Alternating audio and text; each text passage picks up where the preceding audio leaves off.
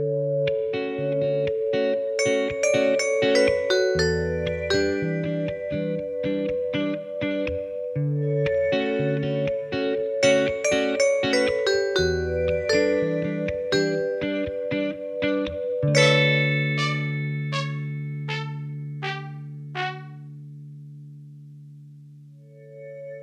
Hei og velkommen til Trans Norge, en podkast om trans i Norge. Den er lagd av PKI, Pasientorganisasjonen for kjønnsinkongruens.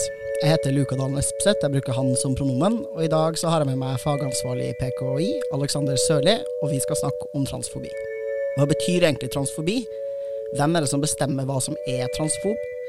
Er det ikke mulig å være kritisk til noen ting lenger uten å bli kalt transfob? Og hva skal man gjøre eller si om noen sier til deg at det du sa og gjorde var transfob? Hvordan kan du si fra om at andre har gjort ting som kan være problematisk? Dette er noen av spørsmålene du får svar på i denne episoden av Trans Norge. Du finner oss på Spotify under Trans Norway. Hei og velkommen. Hei. Det er veldig godt å ha deg tilbake, Aleksander. Det er veldig godt å være tilbake. Mm, så hyggelig. ja, vi, vi, starter rett på. Kan ikke du definere transfobi? Hva er transfobi, Aleksander? Ja, jeg, jeg, har litt sånn lyst til å begynne med på en måte liksom roten av ordet, da. For noen syns jo det er litt sånn forvirrende, både homofobibegrepet og transfobibegrepet. Det har jo en litt sånn annen endelse enn det mange sånne former for undertrykking ofte har, da. Hvor vi på en måte snakker om si, rasisme og sexisme, eksempel.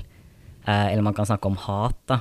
Jeg tenker at, at det, eh, det, at man snakker om fobi på transfobi, det er jo at man har tatt måte, samme endelsen som man hadde på homofobi. Og jeg syns at måte, roten da, til det ordet er liksom ganske interessant. Så for det første så var det sånn homofobi, det ble måtte, laget som begrep av en psykolog som het George Weinberg. Og han fant det her på, på 60-tallet. Og han beskrev homofobi på følgende måte. A phobia about homosexuals. It was a fear of homosexuals which seemed to be associated with a fear of contagion. A fear of reducing the things one fought for, home and family. It was a religious fear, and it had led to great brutality, as fear always does. Og grunnen til at jeg syns at det her er på en måte en spennende definisjon da, fra hans side, det er at veldig ofte i dag så hører vi folk snakke om transfobi, homofobi også, at man sier at man har på en måte utdannet det begrepet. At det pleide liksom å handle om en veldig sånn eksplisitt hat eller frykt, da.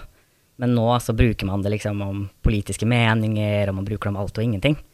Men han som lagde måte begrepet da, på 60-tallet, han forsto det jo ikke sånn i det hele tatt. Han beskriver jo måte, da homofobi, da, men jeg tenker at det er samme rot. At vi på en måte bør forstå det på en måte som noe som kommer fra samme sted, da, om man kan si det sånn. Han mente jo at det her handla om en måte, nettopp en sånn frykt for sosial smitte. Og en frykt for at det er liksom ødeleggende for liksom, familien og hjemmet og det liksom tradisjonelle. Mm. Ja, for jeg også tenker at jeg opplever at veldig mange bruker fobi, og så sier de sånn du kan ikke kalle det fobisk fordi jeg, jeg, føler ikke et sterkt hat, eller jeg er ikke liksom aggressiv eller ekstremt negativt innstilt til denne gruppa.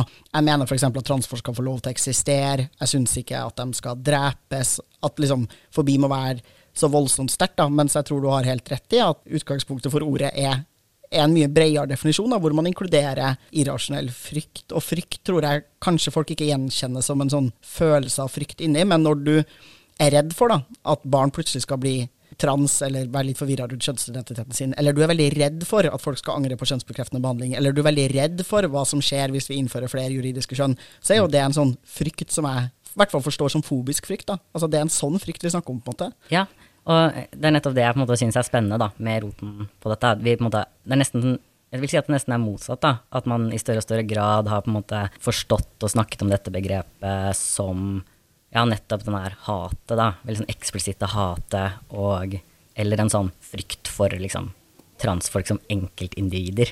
Mens man faktisk før da forsto det mer som en frykt for at det skulle ha liksom sosiale konsekvenser. At det liksom skulle smitte, at flere skulle bli sånn, at det var liksom en trussel for liksom det siviliserte samfunnet. Alle disse tingene her, da. Men sånn en enkelt oppsummert, kanskje, da, så vil jeg jo si at transfobi er holdninger og handlinger og uttalelser som legger til grunn at eh, det å være trans er eh, noe som er iboende negativt, og i hvert fall alltid dårligere da, som sådan enn det å være cis. At det er en form for sykdom, at det er skadelig for samfunnet. Også selvfølgelig på en måte, et sånn eksplisitt hat og frykt også, da. Mm. Ja, og jeg tenker liksom alle sånne handlinger som også bare fører til en fullstendig sånn usynliggjøring, hvor man umuliggjør eksistensen til folk, eller bare gjør at vi ikke eksisterer i språk, samfunnsstrukturer.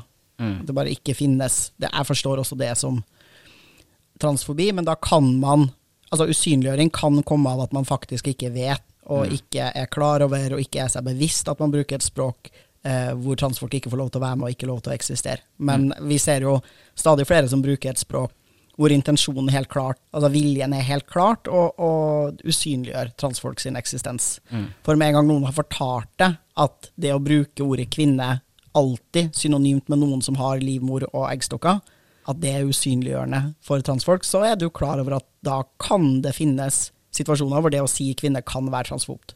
Mm. Jeg sier nå ikke at ordet kvinne er transfobt, bare til alle turfsa der ute. Det var ikke det jeg sa. Ja, det er et veldig godt poeng. Og så tenker jeg det er veldig, veldig viktig, da. Eh, nå kommer vi liksom bort fra måte, hva det er sånn, bare sånn generelt, men jeg tror det også er veldig eh, viktig å på en måte forstå at transfobi, da, ikke, ja, som vi nevnte litt også, da, ikke nødvendigvis er en sånn her følelse. Det er ikke bare en sånn irrasjonell følelse av liksom hat eller forakt for transfolk, selv om selvfølgelig mange som er transfobe også har det. Det kan også være transfobi, selv om du på en måte sitter og føler at du har på en måte argumenter, og at det her er på en måte verdenssynet ditt, og du liksom du har en mening om dette, da. Det er bare at noen meninger er transfobe. Det er ikke sånn at de må være liksom veldig sånn irrasjonelt følelsesstyrte. Du kan godt sitte og på en måte føle at du snakker veldig nøytralt om noe, og fremdeles komme med uttalelser da, som er, eh, som er transfobe. Men kan jo gå litt sånn inn på liksom spesifikke ting, da, for jeg tror det kan være litt sånn vanskelig for folk å på en måte forstå uten å få eksempler. Mm. Dette med f.eks. sosial smitte, da. Tanken om, for det første, at det å være trans er noe som er negativt. Sånn at hvis det skulle være sånn, da, i utgangspunktet f.eks., at eh, et par flere mennesker ja, er trans i dag da, enn det det var før, så er det at samfunnet har gått i en negativ retning. Det er på en måte noe, og det er noe som vi på en måte absolutt må prøve å stanse. At vi alle skal være enig i et sånt grunnpremiss om at hvis det blir flere transpersoner i verden, så er det på en måte negativt. Vi bør forstå det som en sykdom som sprer seg. Og det er også denne tanken om ja, smitte, da. Av det at det kan smitte gjennom at hvis vi får mer måte, eh, aksept, hvis vi får mer kanskje informasjon, da, eller hvis unge får lov til å henge med transfolk eller være med transfolk, så vil de på en måte bli smitta av det å være trans. Og ja, igjen, da, at det er en negativ ting. Ja, hva tenker du om det? Jeg tenker at det er sånt eh, at det er noe som veldig ofte kommer fram i media, da, og som jeg tror at folk ikke intuitivt forstår at er transfobt. Ja, og tenk at det, altså, Da har du et Premisset er transfobt i utgangspunktet, så kan du snakke om liksom, hva du vil over det, men du har denne grunntanken om at ja, nettopp at det er negativt, uønskelig og dårligere å være trans enn å være cis. Og jeg tenker at Hvis du skal unngå å være transfob, så må du ha en reell følelse og forståelse av at det å være cis og trans er akkurat like bra. Og der føler jeg at transfobi er vanskelig for folk å gjenkjenne enn f.eks. homofobi. Fordi folk har, uten å være så veldig klar over det selv, da, men fått en innprenta en idé hvor det føles mer ut som de forstår at det å være homo og det å være hetero er, er to helt likeverdige størrelser. Det er ikke sånn at vi har noe mål om å gjøre færrest mulig mennesker homofile, eller at vi tenker at det er vondt for folk å ende opp som homo, og at vi derfor skal prøve å liksom unngå det. Så ja, jeg er, jeg er helt enig. Jeg tenker at da, da har du et transfobt premiss, så vil alt du bygger opp på det premisset også være transfobt, selv om det kanskje kan framstå som mindre opplagt transfobt, da, når du bare prater om tilforlatelige ting som det er viktig at vi ikke får masse barn som tror at de er trans, for det kan være vondt for dem å tenke på. Det høres ut som et helt sånn, en le- legitim ting å si som ikke har noen negative konsekvenser, men så har det det. Ja, eh, eh, og jeg tror du har rett, da. Altså, det er veldig mange likheter. Jeg tror det i utgangspunktet egentlig er veldig mange likheter mellom måte, homofobi og transfobi. Det er bare at vi har kommet mye lenger i Norge når det gjelder ja, å gjenkjenne homofobi, og også på en måte at samfunnet nå i mye større grad enn før da, har en empati for homofile mennesker som gjør at de på en måte gjenkjenner urettferdighet som blir begått mot dem, på en helt annen måte enn det folk gjør når det gjelder transfolk. da. Altså ryggmargsrefleksen til mye flere mennesker på en måte slår inn. Så er det jo på en måte selvfølgelig sånn Eh, du har jo alle disse åpenbare eksemplene på transfobi også, selvfølgelig. Det å mene at liksom transfolk bør liksom steriliseres, uh, at vi ikke skal liksom reprodusere, eller til og med at vi fortjener å bli utsatt for vold, alle disse tingene. Men, altså, grunnen til å ikke diskutere det så mye er at jeg tenker at de aller, aller fleste er enig i at det er på en måte transfobi. Men jeg opplever også at det er en av de få tingene som folk er enig i av transfobi. Eh, du, du, må på en måte faktisk nå ganske sånn grov trakassering eller eksplisitt vold før folk er villige da, til å forstå det som transfobt. Og det gjør noe da, med evnen vår til å snakke om det. Definitivt. Og, så får vi gjerne da beskjed om at vi ikke skal bruke ordet transfobi, fordi folk assosierer det med grov vold, krenkelse og trakassering. Og at vi, hvis vi kaller ting som er mindre grovt enn det for transfobi, så har vi liksom utvanna begrepet eller gjort det helt unyttig å prate om. Mens jeg tenker at det er et, for meg er det et helt tydelig forsøk på at folk prøver å ta fra oss et begrepsapparat og en mulighet til å prate om de opplevelsene vi faktisk har i livet, og de strukturene vi ser rundt oss. Og det er ikke noe problem å skille på noen som slår deg i ansiktet fordi du er trans, den formen for transfobi, og at noen bare vanskeliggjør din tilgang til kjønnsbekreftende behandling. Da. Jeg tenker at det er ikke noe det er ikke noe problem at vi kaller begge deler transfobi. Vi mennesker er flinke på å ta imot og forstå nyanser i ting. Da. Mm. Um, så jeg føler at den polisinga av når vi får lov til å kalle ting transfobi, eller hva vi får lov til å benevne som transfobi, er transfobi, mm. basically. Og det er jo kanskje en annen, annen, ting man kan snakke om med transfobi også, da, og andre former for undertrykking, er jo også hvis du har helt andre standarder til, altså til noen minoritetsgrupper enn andre. Da. Og her tenker jeg at man kan f.eks. kan se da, til altså, hvordan vi snakker om og forstår sexisme. Og altså, misforstå meg rett, det er jo veldig mange som også mener at så å si ingenting er sexistisk. Men jeg opplever jo i mye større grad da, at det er akseptabelt å si at noe er liksom kvinnefiendtlig eller diskriminerende mot kvinner, selv om det ikke har skjedd, da. Eh, typ veldig eksplisitt vold eller trusler.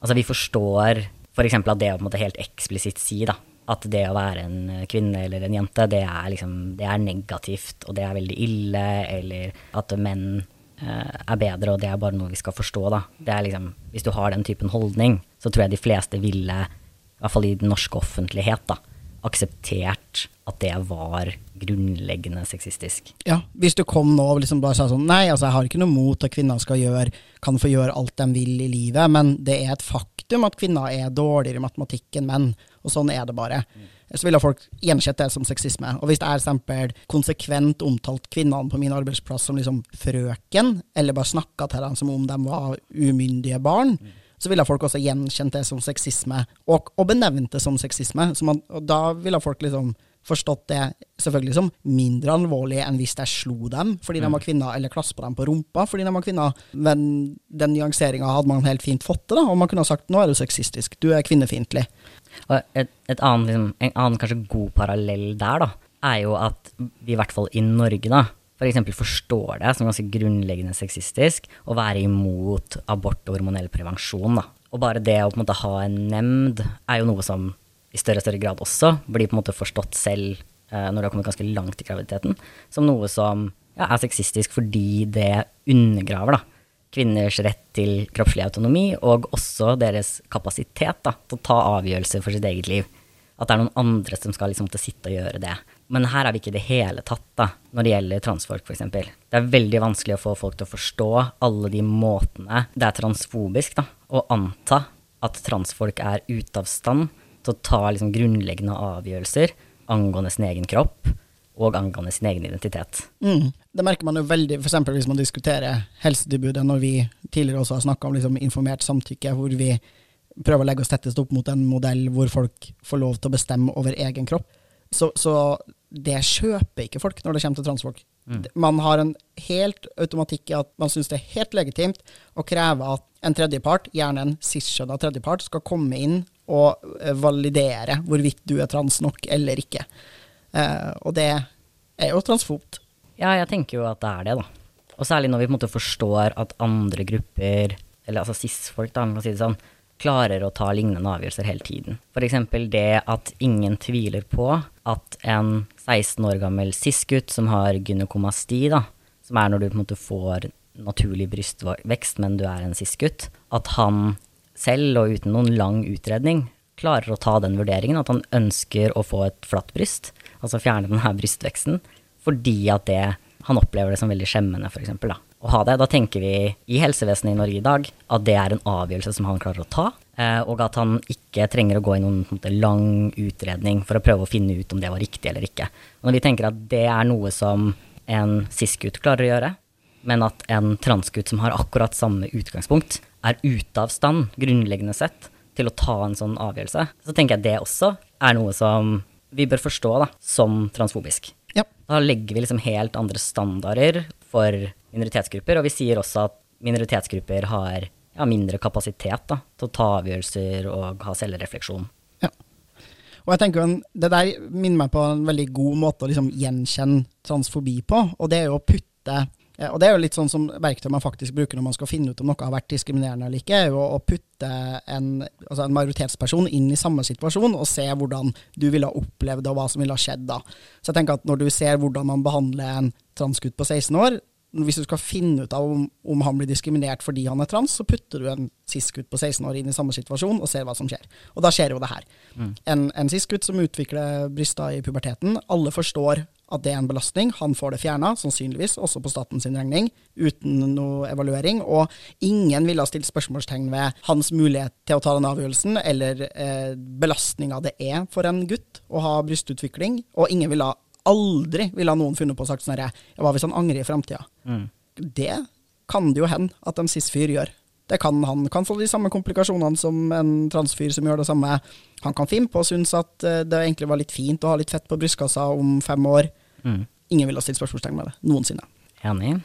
Hvis man skal dra et, et annet eksempel også, da. Jeg husker når jeg gikk på ungdomsskolen, så var det ganske mye sånn debatt om homofile i dusjen og garderoben og sånn. Og det var ganske mange som syntes at det var på en måte ubehagelig, og også en god del som mente at det var liksom helt legitimt å diskutere, da. F.eks. hvorvidt lesbiske og homofile på ungdomsskoler og den typen ting, hvis de andre syntes det var ubehagelig at de var i dusjen og var nakne med dem, f.eks., at det var noe vi måtte ha en veldig stor forståelse for. Og jeg kjente også flere på den tiden som, hvor på en måte tilretteleggingen gikk ut på at de som var homofile, måte, fikk dusje i lærergarderoben osv. Og, det tenker jeg at de aller, aller fleste av oss da, vil forstå i dag som homofobisk vi tenker at istedenfor å lære folk da, opp i at hei, homofile og lesbiske og bifile, de er ikke eh, en trussel for deg i garderoben. De har en rett til å være der. Og gå imot denne tanken om at de er liksom pedofile eller overgripere.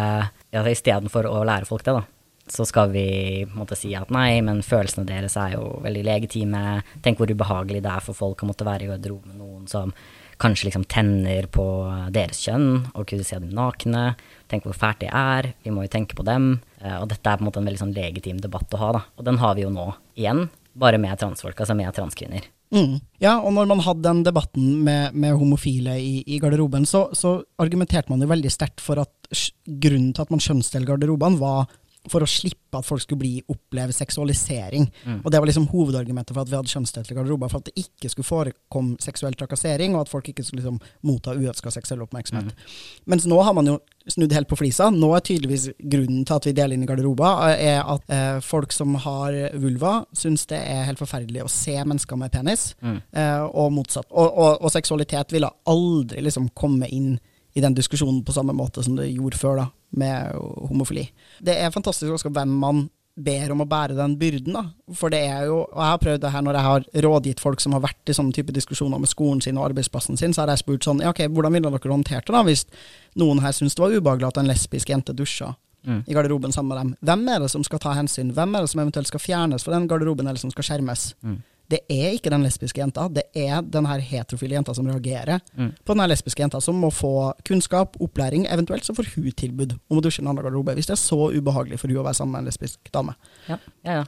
Og, det er jo samme også med måte, krisesenteret og en del andre steder der det er sårbare mennesker, og hvor ting er kjønnsdelt. Da. Så å si alle disse stedene så har det også vært problematisk for homofile og lesbiske å være. Og det at folk ja, syns det er ubehagelig, da, og er eh, redde for dem og sånn. Selvfølgelig, vi skal til en viss grad ta, eh, ta hensyn og måtte prøve å gjøre det eh, best for alle, da. Men målet her må jo være at disse minoritetsgruppene, da, enten det er liksom lesbiske kvinner eller transkvinner, skal kunne bruke ja, disse kvinnerommene, da, eller at transmenn og homofile menn skal kunne bruke de her mannsrommene på lik linje med resten av befolkningen. Det kan ikke være sånn at liksom sluttmålet vårt er å helt sånn blindt da, tenke at eh, cis-folks sånn følelse av ubehag er viktigere enn transfolks trygghet og rett da, til sånn likeverdig deltakelse i samfunnet og offentlige rom.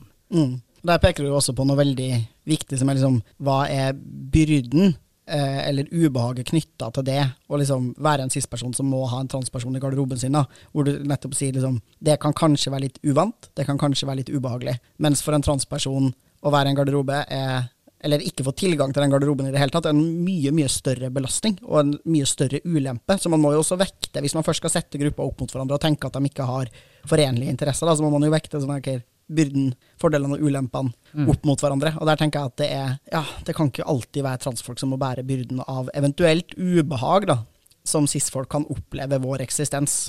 Og så må vi ta kollektivt ansvar. da, være sånn ok, Hvordan kan vi gi cis-folk den kunnskapen og trygghet de trenger da, for å ikke være faktisk redd transfolk? Fordi det har de jo ingen grunn til å være, all den tid vi ikke som gruppe eller som enkeltindivider er farlig. Mm.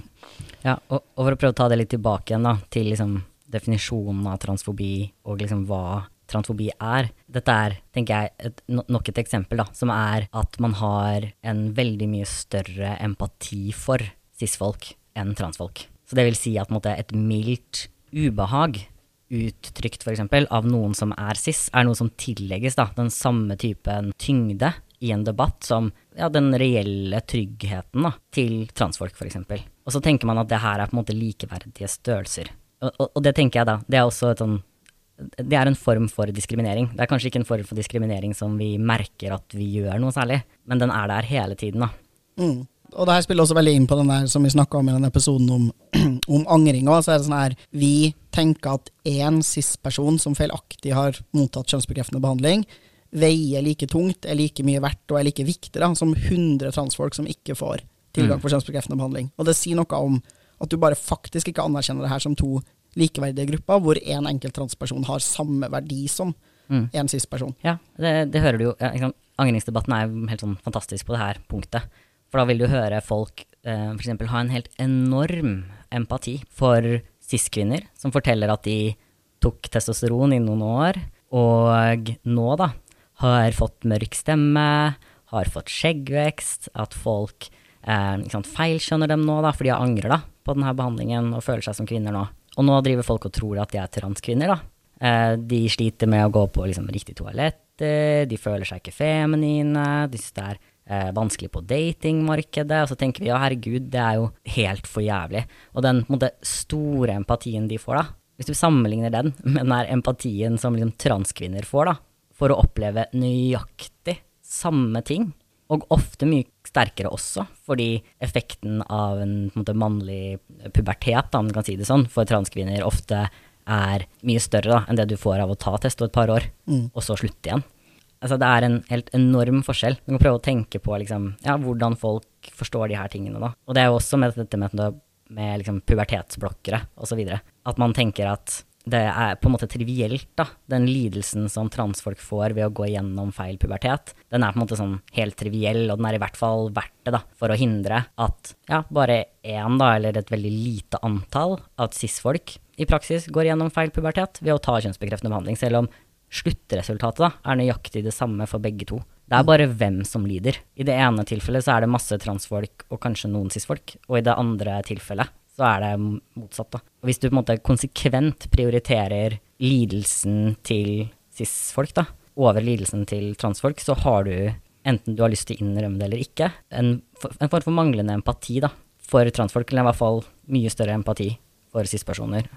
Ja, og jeg tenker at det å ikke evne å være empatisk med en gruppe, da, og forstå en gruppe primært som en gruppe, og en gruppe som er mindre verdt enn andre folk, det tenker jeg må jo kunne kalles transfobi. Ja, det, det tenker ja. jeg også. Um, jeg har lyst til å komme med en, en ting til, fordi jeg syns det er litt sånn spennende. Og det er hvordan kontekst er viktig, da. og at du kan få på en måte én og samme påstand. For det her er en annen ting som jeg ser veldig mye i debatten rundt transfobi og hva transfobi er. Det er at man eh, si, egentlig ikke hører på kritikken. da. Altså Man prøver ikke egentlig å finne ut eller lytte da, til hva det var som var transfobisk i et spesifikt tilfelle. Man bare f.eks. ser på én uttalelse, og så sier man ja, men det her er bare en mening, eller det her er ikke transfob. Jeg synes et veldig sånn fantastisk eksempel på det, da, er For ikke så veldig lenge siden så øh, posta lege Henrik Vogt, jeg tror det er, tror det er lege han er, på Twitter og på Facebook om hvordan en tweet hadde blitt fjerna der, da. Hvor det var noen som hadde sagt at uh, I think, noe sånt noe som uh, Only biological females get ovarian cancer. Eller kanskje til og med Only females get ovarian cancer. Noe sånt noe. Jeg, jeg mener jo at, at det veldig ofte uansett er en uh, litt sånn transfobisk uttalelse, fordi den gjør ikke så veldig mye annet enn å på en måte påpeke at transmenn ikke er menn, og at transkvinner ikke er kvinner, på en måte. Det som var uansett var spennende her, da, var at han på en måte så den tweeten, at den var blitt fjernet, helt ute av kontekst, og mente at det her var på en måte veldig hysterisk. Og det her er i hvert fall ikke på en måte noen form for eh, liksom, hatprat, da, eller på en måte, det er i hvert fall ikke en hatefull ytring som burde bli fjerna av Twitter, da, bare på bakgrunn av det her. Og så kommer det fram litt seinere, da, og han, han, rettet på det og, og, skrev en tweet om det, så det handler på en måte ikke om han som sådan. Men det kom fram at denne tweeten da, var skrevet i kontekst av en transmaskulin person som selv hadde da fått eggstokkreft om sin erfaring om dette. Som hadde skrevet om sin erfaring da, med å ha eggstokkreft som noen som ikke er en kvinne. Og så hadde noen svart på den her veldig på måte, personlige erfaringen da, med bare kvinner får eggstokkreft. Mm. Og det er klart at det er noe annet enn når du på en måte bare prøver å komme med en mening også. Man kan igjen, da eh, Jeg tenker at det veldig ofte kan være en transfobisk ytring. At det uansett da veldig ofte kan være en transfobisk ytring å komme med de her påstandene. Men veldig ofte så tas også ting fullstendig ut av kontekst. Folk ser på én tweet eller én uttalelse, ser den isolert og tenker at herregud, folk har kalt det her liksom hatefullt eller transfobt, og så ser de ikke på en måte hva målet med den ytringen har vært, da.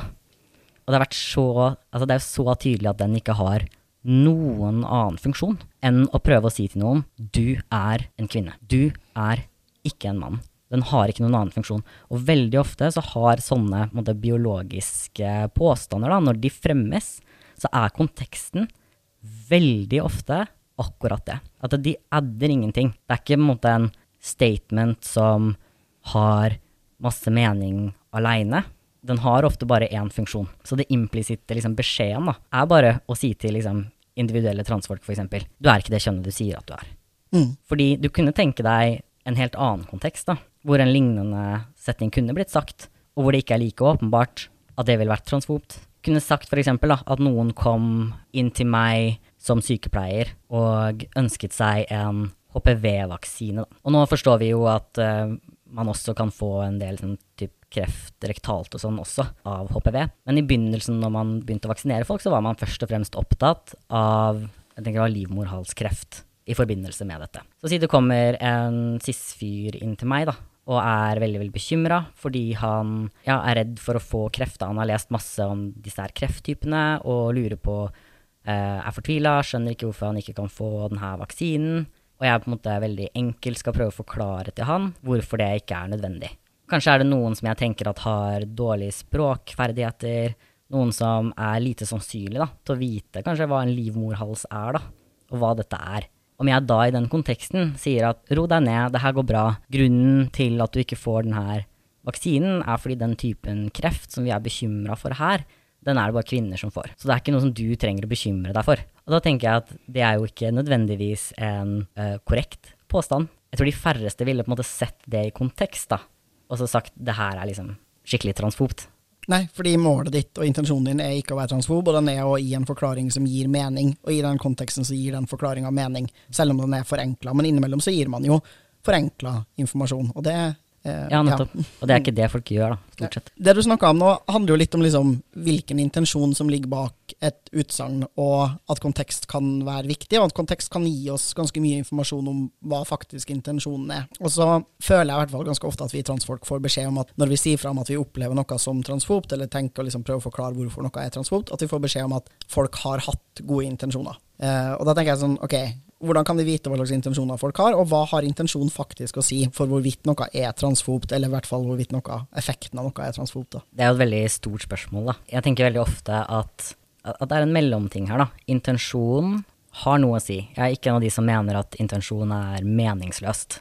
Det tenker jeg på en måte absolutt ikke er tilfellet. Men samtidig så er ikke intensjon alt. Og innimellom så er det sånn at vi måte har internalisert da, en del holdninger og sånn, uten at vi veit det sjøl om minoriteter. Og at de kan komme til uttrykk, enten det var på en måte intensjonen vår eller ikke.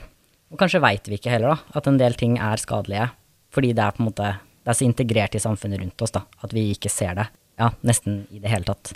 Men eh, en ting som jeg tenker at er interessant da, når man snakker om intensjon, er eh, si, hvordan veldig mange ønsker hele tiden at man skal At transfolk da, i større grad skal på en måte anerkjenne intensjon når folk sier ting eventuelt da, som er transfobisk. Men det er veldig sjelden at på en måte, denne omsorgen måte rettes tilbake igjen. Og med det så mener jeg at liksom, hver gang noen blir liksom, anklaga for transfobi, så er det veldig, veldig sjelden da, at um, folk eventuelt tenker at hm, kanskje jeg skal eh, også tenke da, at intensjonen til denne transpersonen som retta på meg, er god. Altså kanskje ikke de måte, bare er ute etter å ta meg og skape drama og liksom ødelegge ytringsfriheten. Det kan hende at liksom at hvis du tenker at det er veldig opptatt, da, er- sorry, at det er veldig viktig å vurdere folks intensjoner, ikke bare tenke at folk alltid er liksom ute etter å ta deg, osv., osv. Da tenker jeg at du må også på en måte, måtte la transfolk da, ta nytte av den her eventuelle liksom, omsorgen og tålmodigheten. da. Ja, Det er jo rett tilbake til hvis du skal likebehandle oss og tenke at du ikke skal være transfob, og at cis-folk og transfolk er like mye verdt, så, så må du nesten gjøre det. Mm. Og da må du åpne for at eh, Både må du ha en bevissthet rundt hvor mange ganger transfolk har blitt utsatt for transfobi, og hvordan det preger livene våre. Det er noe du burde ha omsorg for og forståelse for. Mm. Og så bør du tenke at hm, ja, det kan hende at noen arresterer meg på at noe er transfob fordi de ønsker at jeg skal bli bedre. De ønsker å gi meg denne kunnskapen. Eh, De ønsker at jeg ikke skal gå i den samme fella igjen, både for min egen del, men også fordi at jeg ikke skal skade eller såre transfolk i framtida. Det er jo en kjempegod intensjon Mm. som vi kan ha når vi forteller folk det du sa og gjorde der, var transfobt. Ja, absolutt. Og innimellom så kan jo folk bruke ganske mye energi også på å prøve å forklare hvorfor ting er transfobt. Det er også noe som man kan se på på en positiv måte, hvis man ønsker det. Mm. Eh, at noen har brukt da, tid og energi på å forklare deg det. Eh, og det tenker jeg også, da, hvis særlig noen transfolk liksom, i livet ditt da, faktisk liksom, tar seg relativt mye tid til å på en måte for, prøve å forklare deg hvorfor noe du sa var transfobt, så er jo det veldig ofte også faktisk fordi de tenker at du kan gjøre bedre. Fordi du tenker at det er noen som det er verdt å investere den her energien i, da. Fordi de faktisk liksom, ja, kan forstå det og kanskje lære seg ja, å gjøre det bedre i framtiden. For realiteten er jo at transfolk veldig ofte opplever transfobi hele tiden, og virkelig liksom må pick their battles, da. Det er ikke sånn at man har liksom tid til å bruke liksom 30 minutter til å opplære noen hver gang de sier noe transfobt, for da hadde man jo ikke gjort noe annet. Nei, og det tenker jeg er veldig Det er to ting jeg har tenkt litt på. Det er min erfaring, både personlig og når jeg snakker med andre transfolk, da, er at vi sier ikke fra om transfobi hver gang det skjer. Vi sier fra i mindretall av gangene det skjer, fordi vi vet at det har store personlige konsekvenser for oss å si fra. da. Det vil som oftest medføre merarbeid, emosjonelt arbeid, ta vare på den personen som har gjort noe transfobt. Vi kommer til å bli utfordra på det. Eh, vi lager dårlig stemning. Vi kan ødelegge relasjoner til andre mennesker eh, og ta fokus og oppmerksomhet bort fra det som faktisk skjer. Så jeg tenker at vi i all hovedsak prøver å la være å adressere det hvis det går an å la være. Og så opplever jeg veldig ofte også at når vi sier fra, så avkreves vi det her arbeidet. da. da hvis du skal si fra om transfobi, så må du også være parat til å snakke en halvtime om hvorfor det var transfobt, og forklare og forsvare det. Gjerne til folk som eh, føler seg angrepet og blir trans kalt transfob, er veldig lite mottakelig for informasjon og input, som går rett i forsvar og blir ganske sint da, av å ha blitt kalt transfob, eller har blitt adressert på at noe du gjorde var transfobt. Og jeg tenker at Når folk blir så sint bare av å bli kalt transfob, så kan man prøve å forestille seg hvor sint du blir av å bli utsatt for transfobi. Men vi får aldri lov å være sint i de situasjonene. Vi er nødt til å være omsorgsfull og empatisk og være sånn her Jeg forstår at du hadde gode intensjoner, jeg prøver ikke å gjøre deg sint og lei deg. Nå skal jeg rolig og saklig forklare deg hvorfor det du gjorde, var problematisk. Og jeg syns det er veldig mye å forlange. Eh, at vi skal bringe inn i den situasjonen som vi ikke krever at cis-folk bringer inn i den samme situasjonen. Ja, absolutt. Og det er jo også ganske synlig, da, at, altså hvor på en måte, sosialt akseptabelt det egentlig er. Og ja, egentlig da på en måte være veldig offentlig liksom sint og såra og krenka over at noen har kalt deg transfob, da. Og fordi du er uenig i at du er det. Men hvis si transfolk da, ja, blir nesten sinte i det hele tatt fordi noen har kalt dem en mann når de egentlig er en kvinne, og det opplever de ikke selv at de er, så er jo på en måte Da er man jo fryktelig hysterisk og på en måte politisk korrekt, og det er jo på en måte ikke måte på, da. Og det tenker jeg er interessant, da. Eh, Man, man lar liksom ikke transfolk uttale seg, eller på en måte uttrykke seg, da. Med den samme graden av liksom følelser. Og man kaller det heller liksom ikke krenka, hvis folk sier sånn her Åh, nå blir jeg kalt transfob, og jeg blir liksom anklaga for å hate transfolk, og liksom De kan jo skrive Altså gjøre en karriere ut av å skrive om det. Mm. Uten at folk måte opplever det, da. Som at de er liksom hårsåre og krenka, så videre. Og det tenker jeg jo definitivt at de er. De er kjempehårsår og kjempekrenka og blir sånn herre Å nei, skal det være med flere kvinner enn dem jeg definerer som kvinner i det her kvinnebegrepet? Buhu. Og så blir jeg sånn Ja, bli, hvorfor blir du så enormt krenka av det? Ja. Ja, i hvert fall de som måtte gjøre en sånn karriere ut av det, da. Jeg tenker at det er en veldig sånn menneskelig ting å ja, bli liksom såra og få litt sånn vondt da, når du blir rettsatt eller føler at du blir anklaget for noe du du ikke selv kan kjenne deg igjen i. Altså, det, det føles jo bad. Og sånn er det jo for oss alle, liksom. Når vi måtte bli fortalt at den her tingen du sa var sårende eller den var kjip, så er jo ikke det noe gøy. I hvert fall ikke hvis du på en måte forstår deg selv som en hyggelig og patisk menneske, da. Og det er på en måte ikke noen du har lyst til å være, du kjenner deg ikke igjen i det. Altså, det er jo helt menneskelig å føle at det er kjipt. Samtidig så tenker jeg jo på en måte generelt, da, at hvis du måte blir møtt med det, uh, i hvert fall hvis den personen som sier det, da, selv er en del av måte, minoritetsgruppa det er snakk om, at det sånn uavhengig av hva du måte føler akkurat da om det, da, veldig ofte er lurt å måte ta noen steg tilbake før man eventuelt liksom reagerer veldig på det. Mm. Og igjen, da, prøv å tenke på liksom hva intensjonene til denne personen var. Prøv å ikke se det som liksom et personlig angrep på deg, og prøv å ikke forstå det som liksom nødvendigvis ja, noe som måte har som intensjon først og fremst å liksom si noe liksom grunnleggende om den du er, da. Men heller har som intensjon å bare påpeke en type holdning eller atferd, eller at bare den, akkurat den tingen du sa akkurat nå, da, Mm. var problematisk, eller at den var sårende. Det tenker jeg er veldig, veldig gode verktøy å ha. Altså Når vi blir arrestert for å ha sagt noe som er rasistisk eller transfobt eller andre ting, prøv å ikke ta det så personlig. Det handler ikke om hvem du grunnleggende er som menneske. Det handler om at du har gjort eller sagt noe som noen opplevdes problematisk, og som er usynliggjørende eller krenkende eller nedverdigende for noen andre. Det er kjempefint at noen sier fra til deg. Da har du mulighet til å bli bedre. Alle forstår at det gjør vondt, altså at det er vanskelig å håndtere den følelsen inni deg. Eh, Og du kan godt be om hjelp til å håndtere den følelsen. Du kan si liksom 'Det blir jeg veldig lei meg av. Jeg får det vondt inni meg'. Men å kreve, eller gå liksom i forsvar, og så kreve at noen andre både hjelper deg og trøster deg gjennom det, tenker jeg at du må klare å gjøre litt av den jobben sjøl, da. Fordi det er veldig mye forlangt av noen som først har blitt utsatt for transfobi, og så si fra om at den transfobien har skjedd, og som også ellers blir utsatt for mye transfobi og har blitt det hele livet. Det kan på en måte ikke være vi som skal bære hovedansvaret og byrden ved å skulle få denne situasjonen til å løse seg på en ålreit måte. da. Jeg tenker det kan også være fint, nå, nå snakker jeg kanskje ikke primært da, om liksom de som bare har en sånn teoretisk interesse i temaet, eller som bare faktisk bare er skikkelig transfobe, da, og på en måte driter i hva transfolk føler. Men særlig hvis du på en måte har transfolk i livet ditt, eller i kretsen din, da, som du faktisk liker litt, og liksom kjenner på det her, at du på en måte er redd for å bli liksom retta på og sånn også. Tenker jeg du også på en måte helt genuint, særlig hvis du møter folk ansikt til ansikt en del, da, bør forstå at det å bli retta også, og bli fortalt at denne tingen som du sa, da, den var veldig sårende, det er transfobt, også kan være en tillitserklæring. Det er ganske ofte helt sånn reelt liksom farlig å f.eks. oute seg som trans, og i hvert fall lage en stor greie ut av det. Og om ikke på en måte en direkte fysisk trussel, så kan det veldig fort da bli en ekstremt ubehagelig situasjon.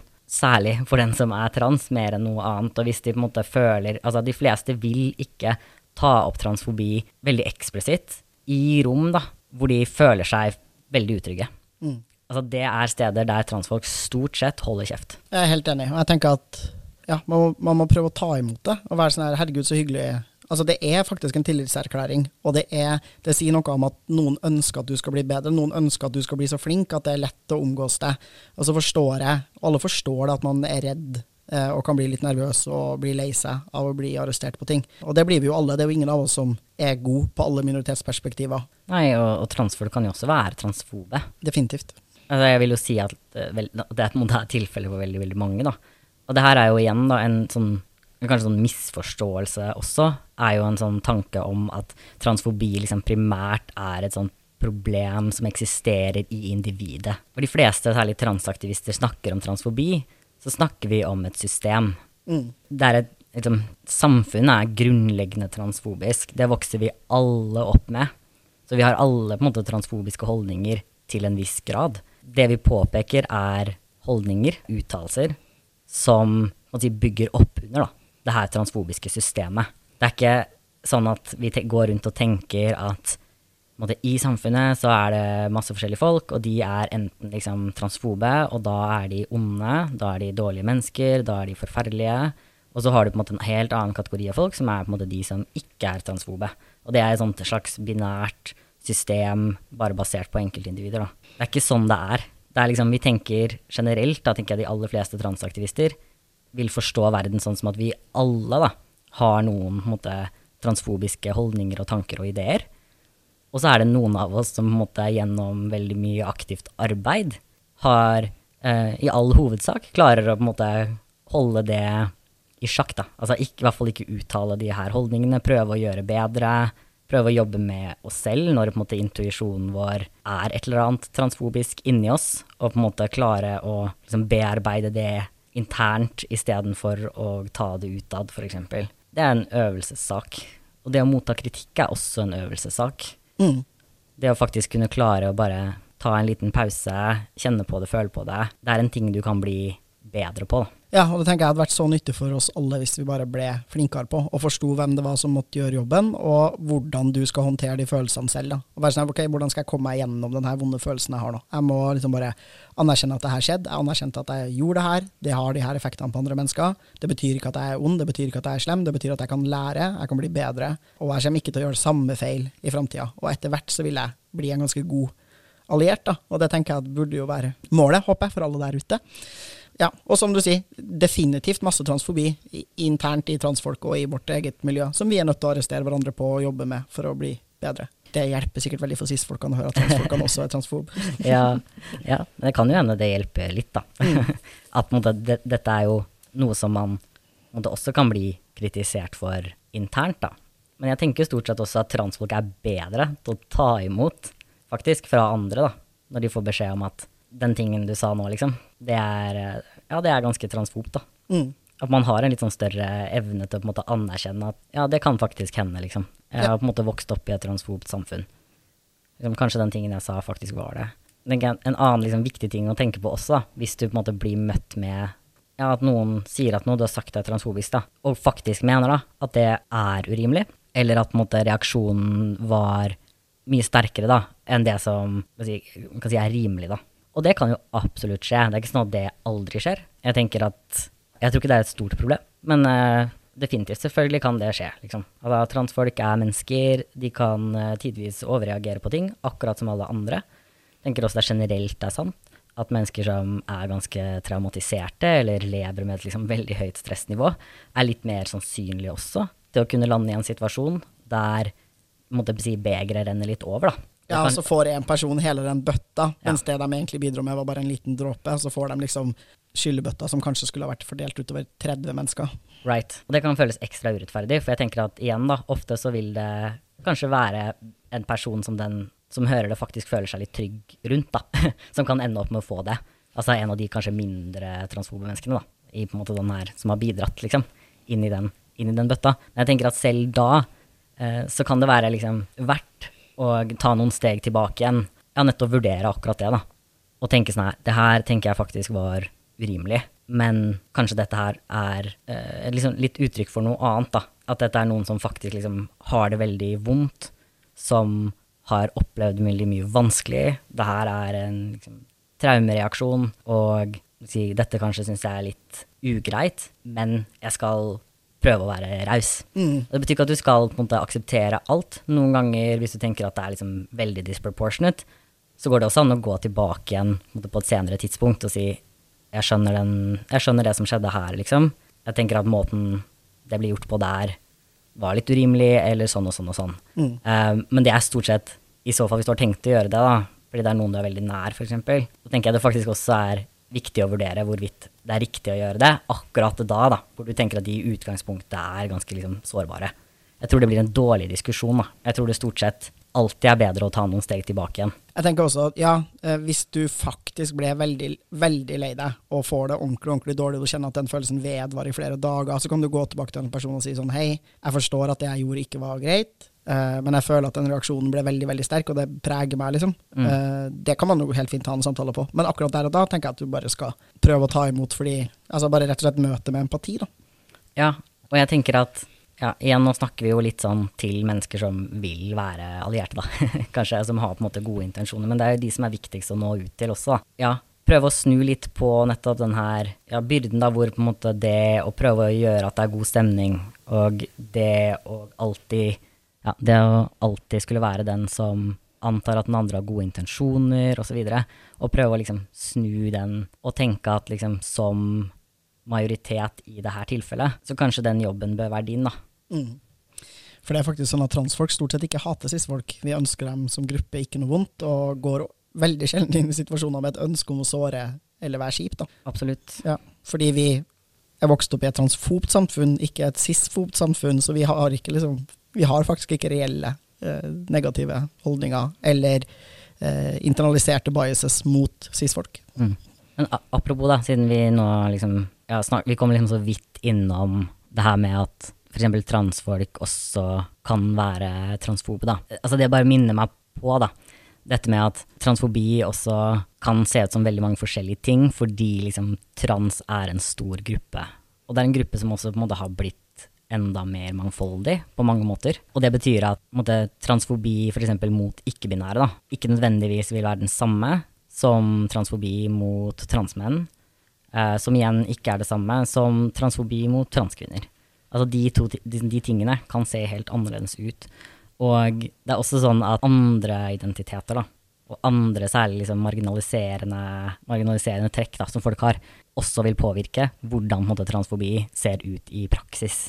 Noen ganger så har man, særlig på engelsk, så har man noen sånne egne begreper for det også. Man kan eksempel snakke om, snakker om uh, transmisogyny, eksempel, som den her veldig sånn spesifikke undertrykkingen som transkvinner opplever, da. Som gjør at de som gruppe er veldig utsatt for vold. Det er jo i all hovedsak transkvinner som blir drept Mm. internasjonalt. Og det handler jo om nettopp den her interseksjonen mellom ja, det å være kvinne og det å være trans. Som veldig ofte blir farlig. For å komme med et eksempel på det, hvor transkvinner veldig ofte stereotyperes kanskje da, som farlige. Som overgripere. Stereotyperes veldig ofte transmenn, for eksempel, da. Som veldig sånn umyndiggjort. Altså som liksom barnlige, ute av stand til å ta avgjørelser for seg selv. Og ja, ofre, da. Altså sånn type jenter som bare ikke har forstått at sexisme er en ting. Mens ikke-binære igjen da, er jo veldig utsatt for nettopp usynliggjøring, for eksempel. Da. Den her tanken om at uh, det ikke finnes noe andre kjønn enn mann og kvinne. Og alle de her tingene, ja, igjen da, de ser veldig annerledes ut i praksis. Mm. Så liksom, basically, transfobi er ikke én ting som oppleves likt av alle. Og alle liksom, transfolk er heller ikke likt berørt av transfobi. Altså internasjonalt også, så særlig liksom, i USA, så er jo svarte transkvinner særlig utsatt. Og det er jo ikke en tilfeldighet. Definitivt ikke. Altså, det er jo fordi det å være svart og det å være trans og det å være en kvinne er ting som sammen da, gjør at du blir utsatt for en helt særegen form for undertrykking. Og veldig ofte så tror jeg folk liksom også misforstår litt hva man snakker om når man snakker om at ting er liksom intersectional. Jeg tror det er en del som hører det, og så tenker de å nei, nå skal vi prøve å liksom regne ut hvor liksom, undertrykte folk er. Altså så er på en måte bare målet å finne ut liksom, hvem som er mest undertrykt, ved å øh, nesten liksom frata folk poeng, liksom. Sånn, ja, hvis du er en kvinne, så får du liksom minus én. Hvis du er svart, så får du liksom minus to. Og så liksom fortsetter man nedover sånn, da. Men denne teorien handler om mer enn det, da. Den handler om at det faktisk liksom Det handler for eksempel om da, at den undertrykkingen som svarte transkvinner blir utsatt for, er ikke bare samme rasismen som svarte menn blir utsatt for, sammen med den samme sexismen som hvite cis-kvinner blir utsatt for, sammen med den samme transfobien som liksom hvite transmenn blir utsatt for. Det er ikke sånn at de bare blir utsatt for mer av det fordi de har flere identiteter. Mm. Det tar en helt annen form, da. Og det er liksom Det er jo ikke en erfaring som jeg har i det hele tatt, så jeg skal ikke liksom prøve å måtte gå inn i hva det betyr, da. Men jeg tenker at det faktisk er viktig å ta med i en vurdering, da. For noen ganger så kan det hende at noen sier til deg at noe er eh, transfobt, og at det er helt umulig for deg, eller veldig vanskelig for deg å forstå da, hva det betyr i denne konteksten. Men jeg tenker at jo flere liksom, marginaliserte identiteter noen har, da, jo mer sannsynlig er det at jo, jo, mer sannsynlig er det at du også ikke klarer å gjenkjenne det, da. Og det er jo litt det vi snakket om i stad, at folk gjenkjenner homofobi bedre enn de gjenkjenner transfobi, da. Og jeg tenker igjen, da, folk vil gjenkjenne den typen transfobi som blir liksom retta mot kanskje binære transfolk, da, mye lettere enn de vil klare å på en måte gjenkjenne transfobi som grupper som har flere marginaliserte identiteter, da, mm. blir utsatt for. Definitivt. Uh, ja, og at det ser annerledes ut, og man klarer ikke å liksom gripe det og beskrive det. Og jeg tenker at nettopp der er liksom interseksjonalitet har en verdi, da, fordi man kan klare å beskrive mer komplekse former for diskriminering på helt nye måter som gir folk språk og mulighet til å forstå hva de blir utsatt for, og hvorfor man blir utsatt for det, og hvordan de systemene fungerer. Ja, og at vi Det er sånn måte å måte, forstå sin egen community, da. Mm. Internt, på en måte. Eh, og faktisk forstå at liksom, ja, her er vi alle utsatt for transfobi, da. Men impacten av den transfobien kommer til å være annerledes, og hvordan det ser ut, kommer til å være annerledes. Sånn at man må på en måte være raus med hverandre internt også, da. Ja, det tenker jeg definitivt. Ja, jeg si, jeg fikk bare lyst til å nevne at liksom, i Norge så kan man jo dømmes for hatkriminalitet, men hvis man skal eh, anmelde hatkriminalitet, så må man velge på hvilket grunnlag. Så mm. Du må liksom velge om du har blitt utsatt for rasisme eller transfobi, eller homofobi. Mm. Eh, og det syns jeg Det lovverket kunne nok vært oppdatert noe. For jeg tenker at det er ganske mange folk som erfarer ting som er hvor det ikke er lett å si da, hva mm. som er hva, og hva som førte hva, nettopp fordi det ikke er byggeklosser som man setter oppå hverandre. Det er helt egne, nye former mm. for diskriminering som skjer når noen innehar flere marginaliserte posisjoner samtidig. Ja, absolutt. Og nå snakker vi jo mer på en måte, generelt om liksom, disse, på en måte, undertrykking og sånn, da. Men det er jo også verdt å påpeke at veldig ofte så kan folk bli utsatt for liksom, transfobi og rasisme og alle de her tingene uten at det noensinne har på en måte blitt eksplisitt sagt. Da. Det trenger ikke å ha vært temaet heller. Og det var vi jo liksom inne på i stad, hvilke grupper som får empati og disse tingene her. Da. Men jeg merker jo det veldig godt når jeg jobber i helsevesenet og jobber med veldig marginaliserte grupper. F.eks. dette med å ja, prøve å få liksom, andre deler av helsevesenet eller andre deler av systemet for eksempel, da, til å ta folk seriøst. At folk blir behandla veldig forskjellig basert på hvorvidt de er en del av en gruppe da, som folk stort sett har sympati for. Og det er veldig, veldig tydelig at den diskrimineringen er der. Men det er veldig vanskelig ofte da, å peke på, ja, peke på at det skjer, da, og arrestere folk på det. Fordi innimellom så får de ikke uttrykk så tydelig som at noen sier sånn her Ja, men grunnen til at du måtte ikke får hjelp, eller liksom grunnen til at du blir møtt så avvisende på Nav eller i helsevesenet eller whatever, det er uh, fordi du er uh, trans, eller det er fordi du er uh, svart og selge sex, liksom. Altså, folk sier ofte ikke det, da. Men samtidig er det et mønster der som er på en måte veldig tydelig. Men ja, at det blir vanskelig på en måte, å irristere. Dette er jo dette med liksom, dette systemet, da. Ja, og jeg tror ikke folk er seg bevisste heller. Skulle du si, Apropos gode intensjoner, det spiller ingen rolle hva mm. intensjonene dine fordi folk kan ha helt forferdelige uh, holdninger uten å være seg bevisst dem. da.